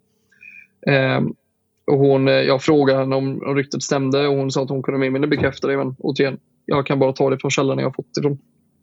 Mm. Ehm, men det, det, är, det är samma sak med kor och annat och djur. Du, kan inte, du får inte ta död på en ko om du har matbrist för då kan du själv bli dödad. Så folk gör det här i smyg. Folk gör det. Det är samma sak. Alla de här sköterskorna och läkarna som de har är jättehögutbildade. Jo, var kommer de ifrån? Jo, de, skick, de har ju inte det i Kuba. De skickar det till Ecuador, till Venezuela, till Colombia. Utbildar dem där och så tar de hem dem igen. Eller tar in arbetskraft för de har inte tillräckligt mycket själva. Ja, och det där är en sån typisk grej också, för det är det de alltid kommer tillbaka till när man pratar om Kuba. De har jättebra sjukvård. Men det är så här, okej om du lägger alla dina pengar på att bli bäst på en sak och flashar det för resten av världen, bara titta. Och så är det så här, det är som att du har lagt allting på fasaden men huset inuti är ett ruckel liksom. Det är, det är som fönstersocialism eller så här window shopping socialism. Ja, Och jag fattar inte hur folk kan falla för det. Alltså det finns massa underbara saker med Kuba. Typ eh, mat, eh, musik och Cigarrer. dans och du vet sådana här saker. Absolut. Jag, alltså, det verkar riktigt nice. Jag har aldrig varit där men det verkar riktigt nice. Ehm, men alltså om man bara ser till ekonomi, levnadsnivå, politisk styrning, korruption, eh, polisvåld mm. massa sådana här saker så är det ju ett fruktansvärt land. Det var någon som skrev där nyligen, typ ni turistar i våran vardagstragedi. Mm. Ehm, och, och det här med att de är så sjukt fattiga och så kommer det turister dit och bara öser pengar på dem. Mm. Ehm, som är mer än vad de skulle tjäna på, på någonting de är själva. Alltså de är i princip beroende av amerikanska turister som kommer och bara slänger dollarsedlar på dem lite då och då. Men det var också sådana grejer, du vet, dollarn var ju förbjuden ända fram till en viss period i tiden och så hade de jätteinflation. De hade inte, hade inte möjlighet att få någonting. Så de var ju tvungna att öppna upp för lite turism. Och då hade, ju ingen, mm. då hade de ju pesos och sen turistpesos och sen lokal pesos. Och det fick, man ju, fick man ju hålla isär. Och det ledde ju till att mm. du fick, om du handlade med turistpesos till en turistbutik som hade, eller en butik som hade kontakter med, med turismen, då fick du använda det. Men kubanerna fick inte använda de pengarna själva. Det gjorde ju att det blev mm. en väldigt konstig bit och då förde de in dollarn mot, mot Altenhorden och fick återanvända den. Så amerikaner och andra personer kunde använda dollar där nere som turistpengar. Medan det får inte mm. lokalbefolkningen använda. De får bara hantera det och kassa in det och sen ja, sortera det. Men de får inte handla med det själva. Mm. Och det, det, får de inte det alls? Nej, så vitt jag vet så de, får de inte göra det. Och jag, jag minns till och med när jag gick i gymnasiet så hade vi en föreläsare som kom från, hade varit i Kuba. Och jag ställde ju alla kritiska frågor som kom. Och allt det här var, nej men det är en utopi, det var underbart. Och sen när jag träffar Aron Modig som tidigare ungdomsordförande för KDU, Kristdemokratiska ungdom, som var där och, blev, och var där på besök. Eh, och han, den motsvarande liberala ledaren som finns i Kuba, eller på Kuba, han, ungdomsförbundet, han dog i en bilkrasch när Adam var, eh, Aron var med i bilen. Eh, och det är ju sådana här saker som de också berättade att det händer. Någonting som jag mm. har, fått bekräft, har fått bekräftat är att många oppositionella har ju eh, Jungfru Maria-statyetten framställd antingen i fönstret eller i lägenheten som skulle vara synligt. Så att de vet om som en symbolik att om det är så att oppositionella i Kuba skulle göra, om det händer någonting så revolutionen faller och blir en kontrarevolution, då finns det utsatta från säkerhetstjänsten som kommer rensa clean på oppositionella. Och det har de ju haft, eh, det finns ju hur många dokumentärer och filmer om annat också som av exkubaner som har flytt till USA som berättar att den här, den här symbolen var ju symbolen för döden för oss. Mm. Eh, för att, ja, de låter dem leva liksom, men de markerar ja, men det, ut vart de bor. Typ. Ja, men, ta som DDR och ta som alla andra länder som också haft en väldigt kontrollerad befolkning. Där måste man ha någon form av oppositionell bara för att det ger syn över, till omvärlden och då är det lättare att ha kvar dem i livet än att rensa ut dem. För skulle man rensa ut dem så blir det ju mer problem för dem. Ja. Kontrareaktioner, det är bara att så här, kväva dem istället. Mm, mm. Exakt, kväv dem och markera och säga att om du gör någonting, du och din familj kommer dö. Och det är så här, det här har ju varit en sån här bestående exempel i kubansk politik i flera år, alltså flera decennier. Där folk har haft, I den första tiden så var det ju massavrättningar under Che Guevara som var den största rasistiska homofoben du kan hitta på jorden. Det enda anledningen varför mm. homosexualitet i, i dagens Kuba är accepterat det var för att Che Guevaras dotter kom ut som lesbisk. Mm. Det, det, det, är ju sån här betänk... Alltså det är så här, som du säger, window shopping. Man plockar det som är lite för det är gulligt och ser bra ut, men det gör de själva också. Mm. mm. Kuba är en specifik diktatur. Jag hade velat åka dit nu. Det var ju min målsättning under, under året som var nu att jag försökte ta mig till de här platserna. Vit, Belarus, Armenien och flera andra ställen. Men det var ju stopp, och, stopp på flera ställen att komma dit för att vaccinet eller, eller säkerheten eller kostnaden, för det gick ju inte att flyga. Kuba satt vi och tittade på direkt, jag och mina kollegor. Och en kom ju, hade, ja men jag såg det, jag åker ikväll. Hon åkte ikväll, kom in, så stängde de ner. Så hon är ju fast mm. där, hon är ju där nu och bevakar. Jaha, fortfarande. Ja, hon, hon, har, hon upp, laddar inte upp lika mycket för att det är begränsat med nätet. För de har ju stängt av nätet. Flera sidor, alltså alla sociala medier har ju nästan till varit nedstängda. I, det måste vara jävligt farligt för henne att vara där också.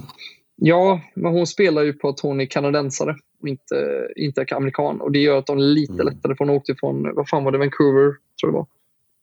Mm. Mm. Hon var i Hongkong med mig, så det är så jag lär känna henne. Mm. Så det, men det, tittar man på de andra länderna, det har varit en, ett år av eh, upplopp i alla länder. Alltså antingen vaccinmotståndare eller, eller konsekvensen av vaccin, att eh, pandemin har varit igång. Eller ta Frankrike ja, som mm. håller på att falla ihop av sig själv. Ja, jag tror nog att det här väldigt mycket med BLM förra året var nog också ett resultat av nedstängningar och, och folk som, ja, det, det, det, har varit väldigt mycket det senaste året av um, av just det här som jag tror har berott väldigt mycket mer på, eh, på pandemin än, eh, än vad folk säger att det handlar om. Jag ja, ja men, verkligen. Och det känns som att det är väldigt mycket, det, alltså lite den här liknelsen där till eh, de religiösa krigen eller allt det där. Nu har vi ju liksom mognat in i att det går att organisera saker och ting, att det går att sprida information, att det går att skapa communities, um, folkrörelser, det ena och det andra. Det har blivit mycket mer, det är nästan självklart nu på ett annat sätt. Innan så var det lite spännande och nytt, men nu är det verkligen överallt känns det som. Ja, verkligen. Ja, det har blivit en, eftersom vi är med, alltså, det är bara att titta på hur vi, som vi har pratat om innan, du och jag Frans bland annat. Det är att vi är ju mm. vi är så connectade runt om i världen på ett helt annat sätt idag. Vi mm. har ju inte, vi har inte den här längre begränsningen av informationsflöde som står fast i, i ett land och sen tar det två veckor innan det kommer fram på breven eller nyhetssändningar eller vad det än är. Mm. Ja, exakt. Nu har, vi, nu har vi ju mer information i, på en kvart idag än vad en stackars arm bonde i södra delen av Sverige som exempelvis hade haft 1800, början av 1800-talet på ett helt livstid. Mm. Ja, verkligen. Mm. Så att det är så här, ja, vi tittar på och... informationsflödet så det är därför det är lättare att kunna skapa en nationell, internationella rörelser, eller förståelse och mer respekt till vad fan som har hänt runt om i världen och ta engagemang. Verkligen, verkligen. Det är så mm. svårt också. Jag tror att det är skitsvårt för många personer att orientera sig i, i, i den, det kaoset av information.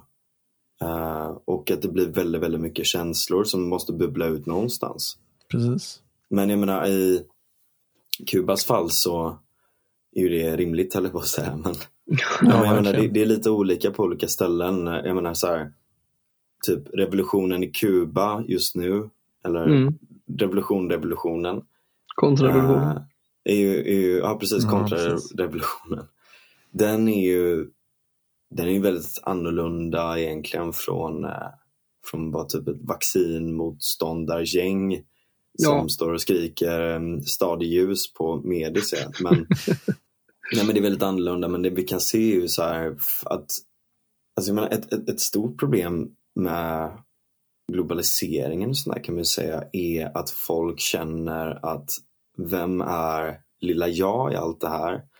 Och hur ska jag få liksom andrum i det här? Och mina sätt att vara på, hur ska vi få vara kvar och allt. Och så känns det som att det är väldigt mycket som trycker ner det helt enkelt.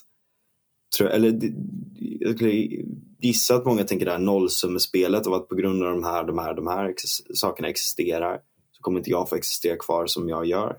Mm. Uh, Nej men exakt.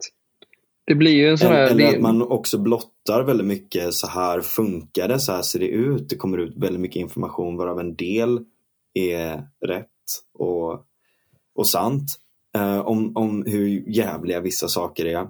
Eh, att det blottar gamla, det är som att man lyfter på huven och ser att shit, det är ju skit. Mm. Eh, och å andra sidan så eh, också mycket brus, mycket desinformation och sånt eh, som leder till många av de här upploppen också. Men jag menar, du, där har ju du verkligen jobb du kan göra. Ja, kan till i alla fall. Jag har ju jobb för livet nu. Men vad, vad, vad tror du? Alltså vilka, vad, vad, skulle vara nästa grej som, eller det är svårt att säga just nu, men när, när tror du att du kan åka iväg och fota igen? Eh, och vart åker du då? Ja, vart åker du då? Ja. Men det är svårt ja. att veta på förhand kanske. Men vilken sorts grej skulle du vilja fota? Om jag får välja en, en framtida konflikt om det händer någonting. Hmm. Eh, jag hade velat se Ryssland falla med ungefär massa personer. och där. Eh, nej, men jag, jag, jag vet faktiskt inte vilket... Alltså är det mer krig eller mer upplopp? Eller mer, vad, vad är alltså mest jag, intressant? Båda är ju jätteintressanta, men jag har nog fallit lite i smak med demokratiupproren eh, mm. i länder där det har varit eh, väldigt nedtryckta, där de verkligen man märker tagg, alltså blod i tand. Man ser de här personerna komma upp sig, bli förbannade och ta vara på det här och verkligen inse att nu jävlar ska vi ha demokrati, nu skiter vi om vi dör eller vad som offrar, för det får bli, vi får bli martyrer, det är fighten för vi ska ta det. det. Det är någonting som jag tycker är fascinerande att se. Vad är det som driver personen till just den här sista striden som de vill ta för sin eget självuppoffrande. De är trötta på det. Verkligen. Um, Hive psychology. Ja, men mm. exakt. Alltså, en militärkonflikt, absolut, det är ju intressant, men det är också en mer betydande aspekt på ett geopolitisk skala där man ser ett land invadera ett annat och tar det och tar dem under kontroll, då märker man ju väldigt tydlig skillnad på vad är det som... Där kan man se en annan skillnad. Där kan man ju, ser man lidandet på ett annat sätt. Här ser man egentligen nu ser man aggressiviteten från folket som är väljer att säga vi vill inte vara slavar längre av det här konceptet. Vi har sett för många. Det är en helt annan grej än att blir överrumplad mitt på sängkammaren och upptäcker att nu vandrar 25 000 militärer genom stan och skjuter ihjäl alla. Det, Mm. blir, det är lika intressant i ett sånt perspektiv. Farlig, mycket, mycket farligare än det jag har gjort hittills. Men det är ett, jag, jag föredrar att åka i så fall till de här kommuniststaterna som är på väg att falla för att dokumentera vad de gör. Och än mer vill åka till de här små länderna som kanske är på väg att starta en demo- demokrati men de hakar sig fram fortfarande och ser vad är det de, vad är det de som Mm. får sin, sin morot för att bli där. Att komma fram. Mm. Mm. Så att, eh, jag vet inte än när jag kan åka iväg, men jag är fullvaccinerad sen i början av juni. Så att då kan jag ta mig chansen att hitta det. Så det blir väl inte förrän kanske till årsskiftet eller tidig Mm. höst, eller tidig Ja, vår jag.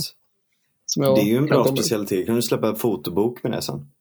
Ja, jag är faktiskt med i en fotobok nu. Eh, Jag minns att vi sa det Mm. sist när vi pratade om det. Eh, Men nu ja, men har du, jag... du berättade det innan där också, men jag tänker du Ja. kan göra en egen med så här. Ja, ja. Eller det... Det, ju, man behöver inte göra en egen, men jag kan ju det faktiskt... väldigt, alltså jag hörde det. Det är väldigt, väldigt kul med den här som, som du var eh, publicerade i där. Den verkar Ja. superintressant. Ja, jag ska ju visa den någon gång så ska du få se den. Men Ja, jättegärna. roligt. den roliga faktiskt med den här, med att göra egna, jag har faktiskt i en liten passus bara säger jag snabbt. Nu i sommar så tryckte jag ut högupplösa bilder från jag hade tagit under åren. Och på alltså affischstorlek 70-100 eh, Ja. idag. Och jävlar vad jag blev chockad av att se bildkvaliteten och se bilderna. För jag har ju sett Ja. dem i mindre format i datan eller mobilen eller typ bara på Facebook när jag själv laddat upp dem. Men nu har jag ju dem i storformat på väggen hemma. Och jag måste Ja. säga att nu ska man inte få hybris, men jag ska säga så här. Jag har nog aldrig tyckt jag var bättre fotograf än vad jag har gjort idag. Jag bara, Gud, jag var ju faktiskt duktig på det jag gör. Det har jag aldrig tyckt. Ja. Jag har bara haft tur Mm. tycker jag. Så att jag, är- jag, Fan är- vad gött. Ja, Man ska att aldrig så. tur. nej, det, det ska man inte eh, göra. och- Alltså så här, ta, alltså så här, gör- man någonting mycket så har man mycket tur. Men det behövs också skicklighet att se när man har gjort någonting bra. Även om Mm. det har varit tur. Så att, eh, ja. Tio år senare så kan jag säga att jag var duktig på det. Eh, hade jag gjort det några år tidigare så hade jag haft min hybris. Ja, det Väldigt trevligt att du var med idag. Ja, Ja, men tack mina vänner, jätteroligt. Jag är med gärna fler gånger som sagt. Ja, det, Vi får göra, du får åka till eh, Tunisien eller något sånt och så Mm. kör vi ett Ja. avsnitt om det sen. precis, Gärna. du får bli vår eh, korrespondent eh, på, i, i, från eh, Utrikesfart. Det är spännande jävligt zoner. bra. Ja, jag är gärna korre. Då har Ja, jag det är en plattform grymt. att prata på. Det är skitfett ju.